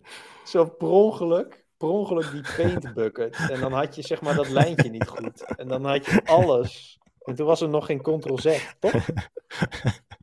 Weet ik niet. Of, of, nou, toen waren je vingertjes te klein om Ctrl-Z überhaupt in te drukken. Ja. oh, dat was wel erg. Dat Ja, was niet, mooi. eh, Maar ja, veel plezier op, met Sun Express. Oh ja, daarom ging het erover. Dus volgende week eh, ben ik daar. En, en natuurlijk, eh Doan is natuurlijk topsporter. En die is dus goed in alles. En dat is echt fucking irritant. Ik ga hem echt een keer lek steken als hij niet oplet. Maar ik moet dus allerlei sporten gaan doen. We moeten darten. Bro, een Turk en een Jood die gaan darten. Hè? Dat is echt hoe... We moeten darten. Moet ook, hè? Ik heb geen, ik heb geen keu. Hij zei laatst opeens: Ja, zullen we dan ook. Wat zei hij ook alweer? Als we in, in de zee zijn, naar een boei zwemmen. Dan denk ik, wie, wie zegt zoiets? Waarom wil ik naar een boei zwemmen? Ik wil dat niet. Ik wil gewoon tot zo- net onder aan mijn knie in het water staan. En een beetje bruin worden. Dat, dat van tevoren afspreken. De, Ja, dan moet dat dit je ook, naar man. een hypothetische boei... Of hij is, hij is er natuurlijk wel vaker geweest. Maar dat is Ja. meer zoiets van... Oké, je bent in het water een beetje aan het klooien... en iemand trapt die bal gewoon als een mogol dat water in. En dan is het... Oké, kom, we gaan naar die boei zwemmen. Dat is een beetje hoe dat normaal gaat. Maar je gaat niet van tevoren... Nee, ik je, normale mensen, normale mensen die lopen het water in en doen dan alsof ze het niet koud hebben. Maar je, je penis die gaat van 33 centimeter naar 8 meter. En dan duik je het water in en dan moet je twee meter de borstkrol doen. En dan moet je stoppen met zwemmen. Zo gaat het altijd. Ik weet niet waarom Ja. mensen dat doen, maar ze duiken, dan doen ze twee meter de borstkrol en dan stoppen ze. En dan, En dan denken ze, zo, ja. Handjes in je haar, handjes in je gezicht. Maar goed, we moeten dat dus doen. Zwemmen naar een boei. We moeten darten, had ik al gezegd. Maar dat is wel het herhalen waard. We moeten... ehm, nou, dat, ja, dat hardlopen had ik natuurlijk al gezegd. Hij, hij, hij stelde mij de vraag... Ja bro, als, je, als we in Turkije zijn... Wil je dan ook, wil je dan ook trainen? Bro, ik, ik ben... En één dag is, is die, die ben je kwijt door het reizen. Dus in zes dagen, ja, ik hoef niet echt per se te trainen. Maar misschien moet ik wel mezelf een beetje oppompen voordat we naar het strand gaan. Oké, en ik Ja, moet dus tafeltennissen. Dus na, na deze vakantie ben ik wel goed in tafeltennissen. Weet je wat Doe laatst zei? Dit, dit, is echt, dit moet eigenlijk echt heel Nederland horen. En ja. nogmaals, het is een Turk, hè? Hij heet Doğan Tekin. En hij vertelde dus, hij zei, wat zei hij ook alweer? Ja, ik, ik kan het niet meer eh, terughalen, maar hij zei iets in de trant van, ja, ze hebben ergens hier in Nederland, volgens mij ergens in Brabant of zo, hebben ze echt een leuk zaakje. En dan kun je lekker eten, lekker lunchen. En dan kun je ook jeu de boule. Ja, en toen keek en ik zeg, ik wat, wat, zeg, wat zeg je nou? Jeu de boule. Hoe oud ben jij? 396. maar het kut is dat als je gaat jeu de boule tegen Doan, dat hij waarschijnlijk ook fucking goed is. Dat hij gewoon de, de, de ballen op elkaar stapelt. Ja, dat waarschijnlijk wel. 3 keer 15-0 of tot hoe ver gaan we? 13. Tot de 13 volgens mij. Dat Ja. weet ik. Ik, weet- ik, wist niet eens dat, ik wist niet eens dat je punten kunt bijhouden bij jeu de boule. Ik zie mensen gewoon een bal gooien. En dan denk ik, ja, je moet zo dichtbij mogelijk gooien. mensen in Rotterdam ook in het park met van die houten blokjes op elkaar Ja. gooien? Dat En is ik echt altijd- de stomste sport die er bestaat. Ja, ik wacht altijd tot cool. ze elkaars hoofd in hebben gegooid ermee, maar dat gebeurt nooit. Kijk, Jeu de Boule is ook een bejaardensport, maar dan heb je nog, je keilt nog even met een, met een, een bal met gewicht. En bolen is dat ook. Dat is gewoon, zit een beetje snelheid in of zo. Snelheid en gewicht is sowieso cool aan bolen. Maar dat met die blokjes. Dan moet Ik het ook met houten blokjes. ja, en ze, ze, ja, dat is het. Het hoor. is ook altijd een, gemengd, gemengd dubbelen. Stelletjes tegen elkaar. Ik zie nooit Oh, dudes met, met, met, met, met outfitjes. Ja, dat doen ze wel in Rotterdam. En ze doen ook gewoon een, eh, een touw spannen tussen bomen en dan gaan ze daar overheen lopen. En wat zonder hoogte. ook is, dat heb ik laatst ook gedaan. Dat is trouwens wel vet. Dat heet strikeball.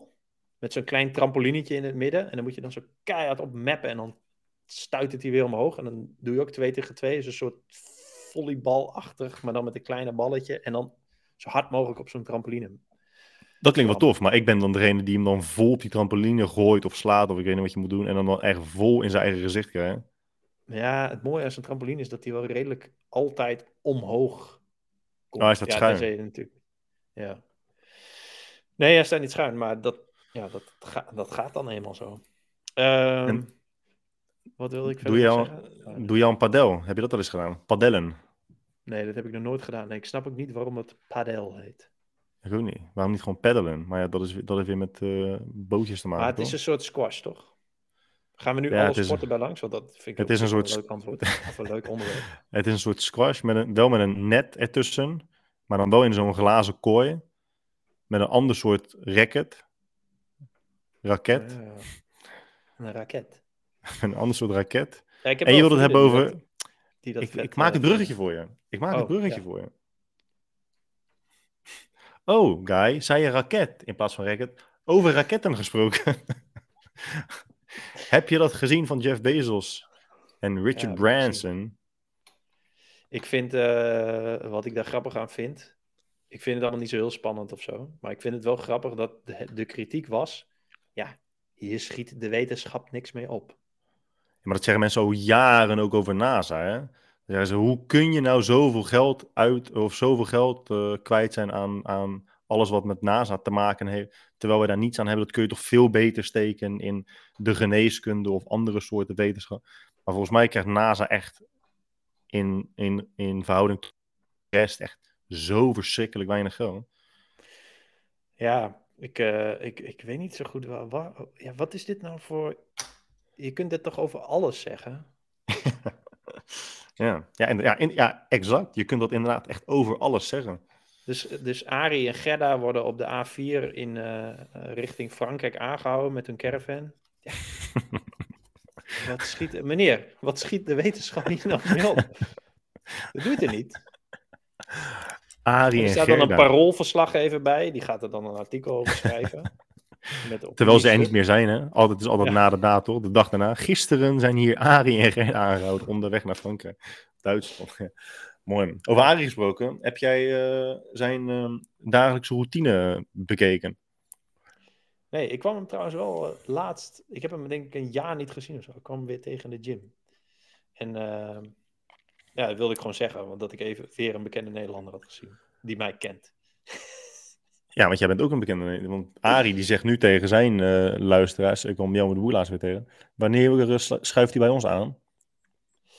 Eh, ja, het lijkt me wel vet om, daar, eh, om dat snel te doen. Maar dan moeten we wel aanleiding hebben. Jij hebt het over zijn routine.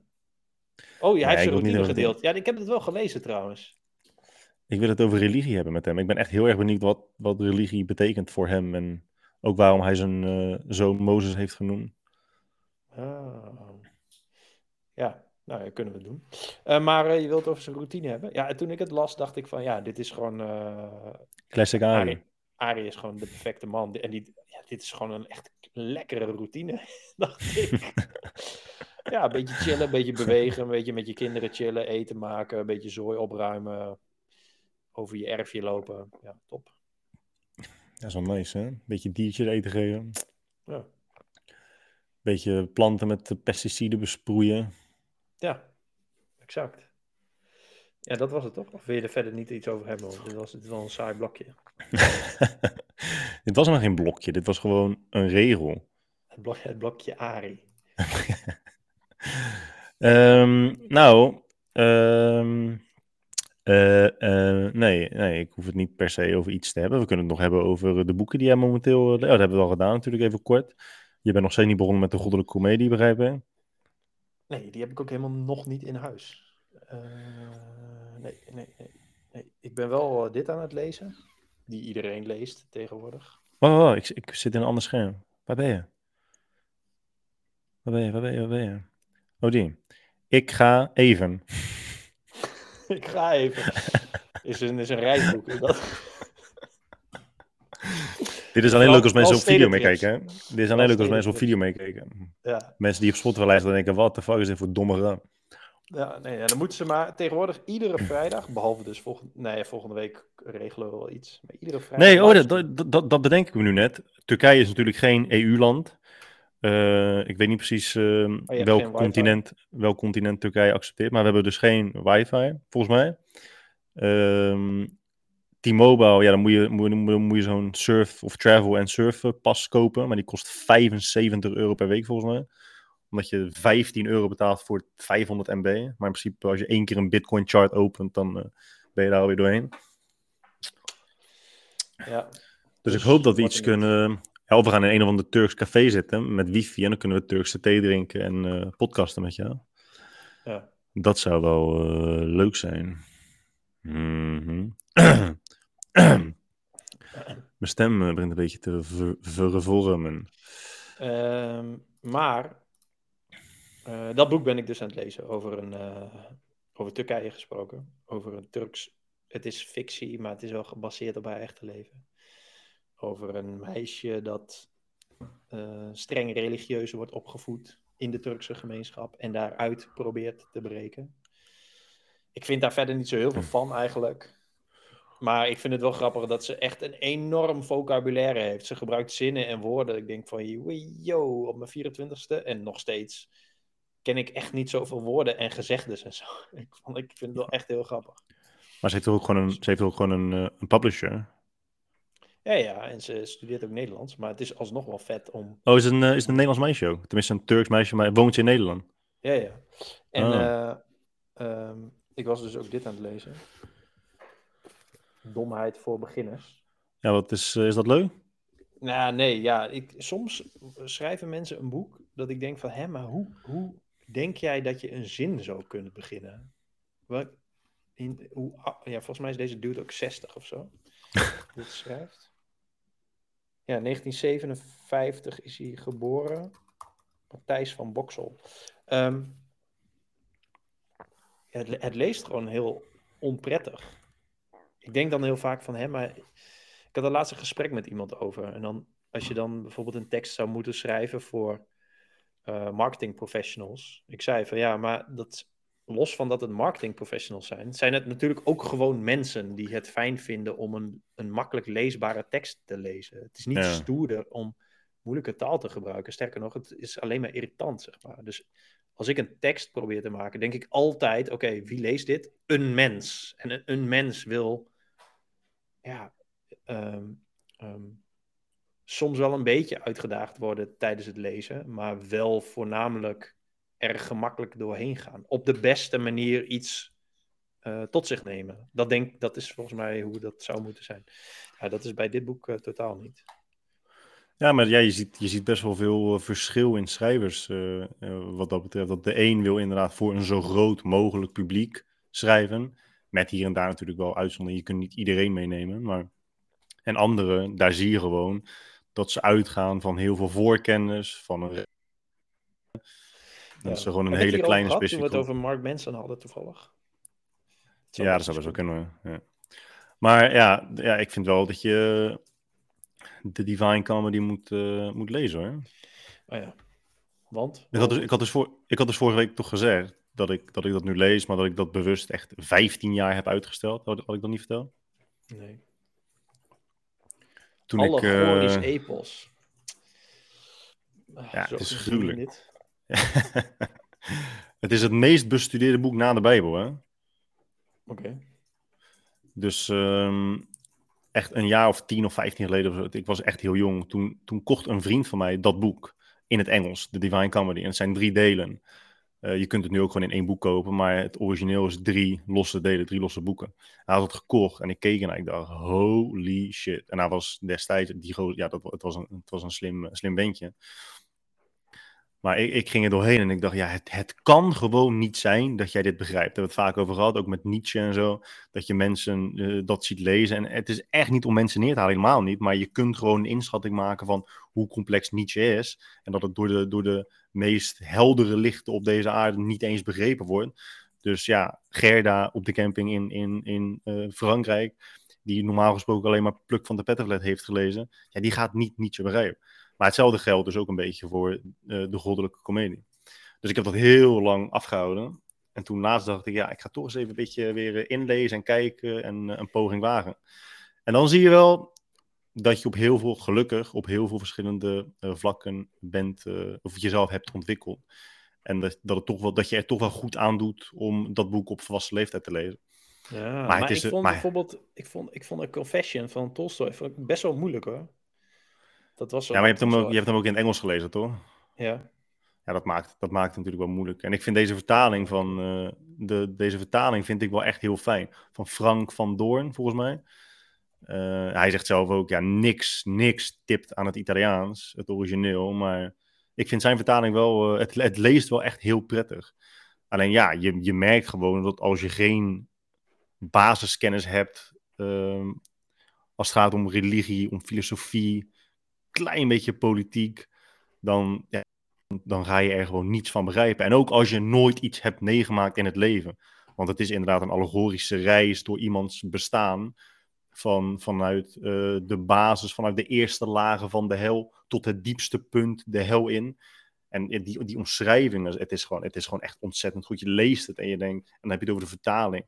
Dan denk je, mijn god, echt, dan, dan schaam je je om hoe je zelf schrijft. Hoe oppervlakkig en tweedimensionaal. Maar goed, hij reist dus af vanuit, eh, vanuit het begin van de hel tot aan eh, de kern van de hel. Dus steeds dieper gaat hij. In elke laag heeft andere soort mensen die, die daar zijn. En die op een andere manier worden gestraft. Maar nogmaals, het is dus symbolisch en beschrijft heel veel delen van, uit zijn leven. En uiteindelijk komt hij dus in het, in het vage vuur. Ehm, hoe noemen ze dat? Louteringsberg of zo? Eh, waar de zielen dus eh, gereinigd worden voordat ze naar de hemel mogen gaan. En uiteindelijk komt hij dus in de hemel en dat gaat dan weer over liefde en romantiek. Het is echt, het is, het is echt een heel, heel bijzonder boek. Maar het wordt dus Maar ook al 700 jaar bestudeerd. Heb je hem eh, uit al? Of ben je Nee, ik ben, nee, ik ben ongeveer op de helft nu. Is er ook een Netflix-serie van? Er is ook een documentaire van. van de maker van. van kut. Ik moet te lang nadenken om het grappig te maken. Je weet wat ik wil zeggen. Cowspiracy, ja, ja, ja. Ja. Ik zag, eh, ik zag eh, een foto van een koe, maar ik wist even niet hoe die heet. Nee, maar je moet het wel, je moet het wel lezen. Het is, eh, het, is, het, is, ja, het is echt wel literaire kunst. Het is gewoon bizar. En jaloersmakend dat mensen zo kunnen schrijven. Oké, nou, ik ga het... Oh, en mythologie. Je moet ook wel... Misschien is het wel Ja. goed als je eerst mythos leest. Want basiskennis, mythologie is ook... mythologie eh, kennis is ook wel eh een vereiste. Maar je hebt toch ook een Kindle? Ja, ik heb zeker een Kindle. Die ook, die ook verbonden is met Wikipedia, of niet? Ja, toch? Ja, het zo. Waarschijnlijk wel. Hoe waarschijnlijk wel. Je hebt hem toch wel eens gebruikt? Ja, ik denk wel dat ik naar Wikipedia kan. Oh, maar als je dan op een woord, als je dan een woord markeert, dan krijg je toch en de vertaling, en de definitie, Ja. en de Wikipedia-pagina. Ja, Maar je weet het niet Dus- zeker, hè? Nee, ja, weet ik Nou ja, dat- doe ik dat- heel ja, vaak dus- dus- namelijk, als ik Engels lees. Ja. Nee, dus dat, dus dat helpt wel echt hoor. Want deze gozer, die, die heeft, ja, die is, dit is zo'n fucking hyperintellect. Maar hij gebruikt dus zo verschrikkelijk veel namen van, van mythische figuren en gewoon eh, mensen uit, het, uit zijn eh, tijd en daarvoor. Dus je moet wel het een en ander opzoeken. Ik Tenminste, ik, vind moest het dat. altijd moeilijk om boeken te lezen waar heel veel karakters in voorkomen. Omdat ik gewoon nooit, nooit eh, goed kan onthouden, namen kan onthouden. Nee, dat klopt. Je hoeft, je hoeft de namen niet te onthouden hoor. Het is meer dat als hij dus door de hel heen reist en uiteindelijk ook door de hemel en dus bepaalde mensen tegenkomt, daarmee laat hij dus gewoon blijken wat hij van die mensen vindt op basis van waar zij zich in de hel bevinden en welk lot ze moeten eh, ondergaan of welk lot ze ondergaan. Eh, dus je hoeft het eigenlijk maar één keer door te nemen of helemaal niet. Het heeft ook niet heel veel toegevoegde waarde. Het is meer gewoon zijn mening over bepaalde Maar mag hij, mag hij toch gewoon vinden. zijn waarheid. Zijn- Iedereen heeft zijn eigen waarheid, jammer. Iedereen heeft zijn eigen waarheid. Ja, mag hij gewoon vinden. Ook zwaartekracht is een mening. Ja. Ook zwaartekracht is een mening. Ook zwaartekracht is een mening. Want je weet het, hè, jammer. Je weet wat ze zeggen. Het, het, heet, het heet zwaartekrachttheorie. En ze, het noem, ze noemen het geen theorie zonder reden. Als het een feit zou zijn, zou het geen theorie heten. Ik moet opeens denken aan die dude die ik tegenkwam. Die zei, die, die, eh, we- die wilde een wedstrijd met mij doen. En dan gingen we allebei 7000 calorieën eten per dag. En dan ging hij dat doen van eh, allemaal gezonde dingen. En dan ge- beloofde hij dat hij niet aan zou komen. Want de ene calorie was de andere niet. Waarom, waarom, waarom ben je die uitdaging niet aangegaan dan? Ja, omdat je gewoon weet dat hij gaat flashen, dat hij gaat naaien en dan gewoon 1400 dan- calorieën eet. Want het is een Volgens ben vegan waarschijnlijk. 114 kilo. Ja. hij is waarschijnlijk vegan, dus hij eet alleen maar sokken en komkommer. Ja, dan kom je niet aan. Ja, zand eten is ook heel veel. Zand. Klavertjes, ijs- vier, ijsklontjes. IJsklontjes salade. Ijsklontjes salade. Oh, ja, IJsklontjes soep, dat wil ik zeggen. IJsklontjes soep. Dat is, toch die, dat is toch die meme, alsjeblieft, hier is je, hier is je glutenvrije, suikervrije, vegan soep. En dan is het gewoon ijsklontjes in water. Nooit gezien, maar ik vind het leuk. Ja, het, blijft, het blijft leuk. Vegan special. Leuk. Ehm, ja, leuk man. Nou, mijn avond is weer eh, verziekt. We zijn weer anderhalf uur verder. Hoezo? Ik moet nog trainen trouwens. Ik ga zo even trainen. Is het droog? Weet je wat droog is? Weet je wat droog is? Die guy. Ehm, Mijn vagina. Oké. Dat is een mooie titel voor eh, de podcast. Ja, ik vind ijsklontjes salade vind ik leuker. Leukerder. Ja, ehm, ja, nee, ja, we zijn er wel, we zijn er wel door. Eh, mensen, jullie kunnen nog steeds, eh, luisteraars heb ik het over, hè? Je kunnen nog steeds doneren op peenuien.nl. Eh, oh, moeten we het nou heel even kort hebben over ons over het ontwerp voor de t-shirts? Oh ja, ja, shit, zij verdient wel echt een speciaal. Ehm, Brenda. want Brenda, Toch? die stuurde ze gewoon... Nee, Brenda. Die stuurde gewoon een, eh, een ontwerp op voor eh, eventuele merchandise. Nou, daar hoor, sowieso shout-out daarvoor. En eh, mooi ontwerp ook.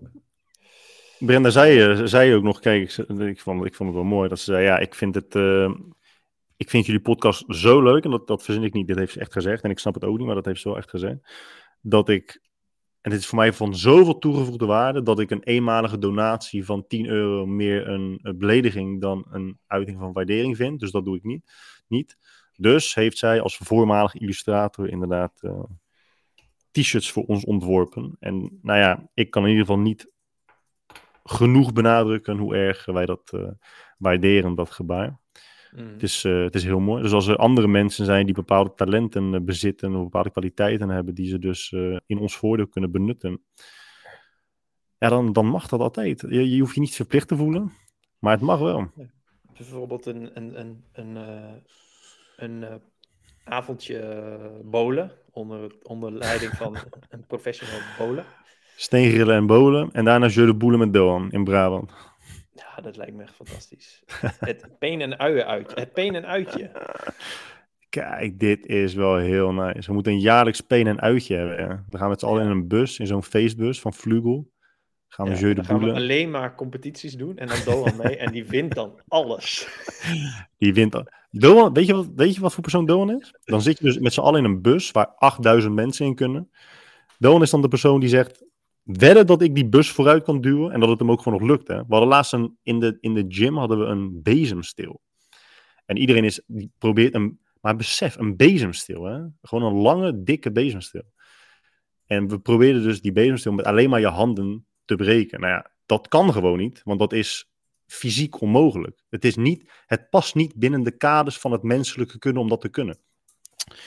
Do pakt die fucking stok vast en hij buigt hem gewoon. Hè? En ik dacht, hij zei, ja, als ik, hem nu, als ik nu doorduw, dan breek ik hem gewoon. Dus hij breekt een bezemsteel met twee handen. En dat is, dat, ja, het, is, het is niet eens grappig meer. Goed, het is wel leuk om zo'n werkgever te hebben. Dat is wel Ja. leuk. Ja, het is minder leuk als hij meegaat op het peen en uitje. Want Het is wel echt een sterke naam, hoor, Peen en Uitje. het is wel heel grappig als we dat dan gaan doen. Dat we dan ook prijzen gaan eh, meenemen. Maar dat we dan niet de gouden medaille meenemen. Want die krijgt Doan sowieso. Dus, als je, dus dat we alleen ja, zilver komt hij meenemen. Ja, dat is mooi. Ook al, ook al komt hij niet mee, hij krijgt sowieso de gouden medaille. Ja, Werk, werkgever van de maand. ja. Ja, ja. Ah, mooi, ja, maar dan moeten we dus wel van tevoren even COVID-test doen. En eventueel moet je dan in isolatie als je positief test.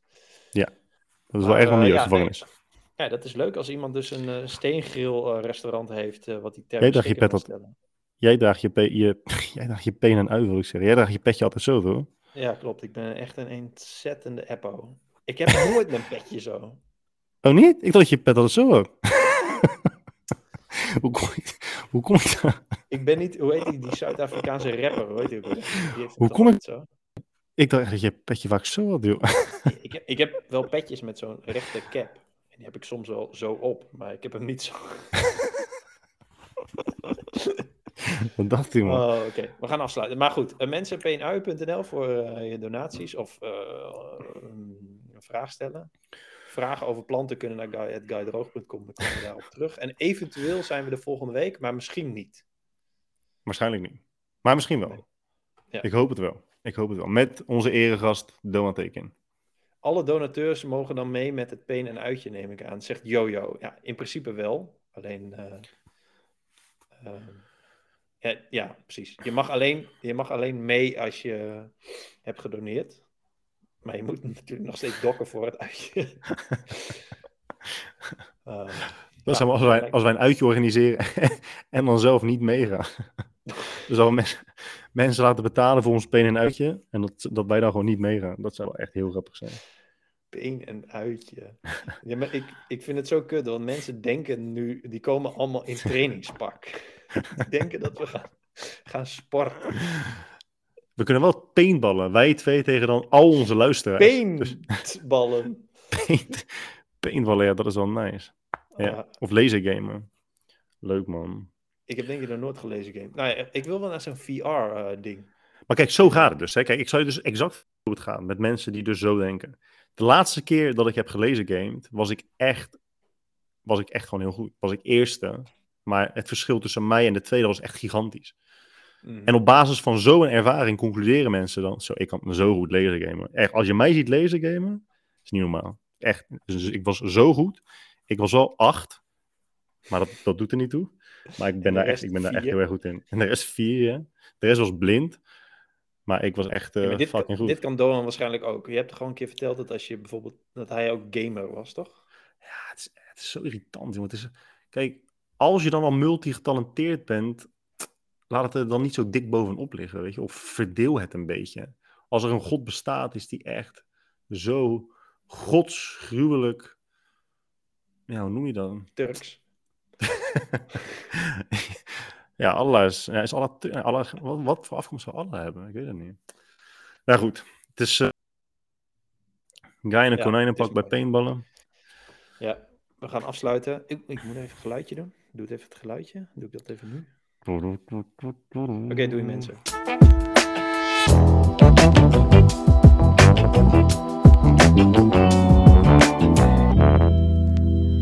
ik weet eigenlijk helemaal nooit hoe dat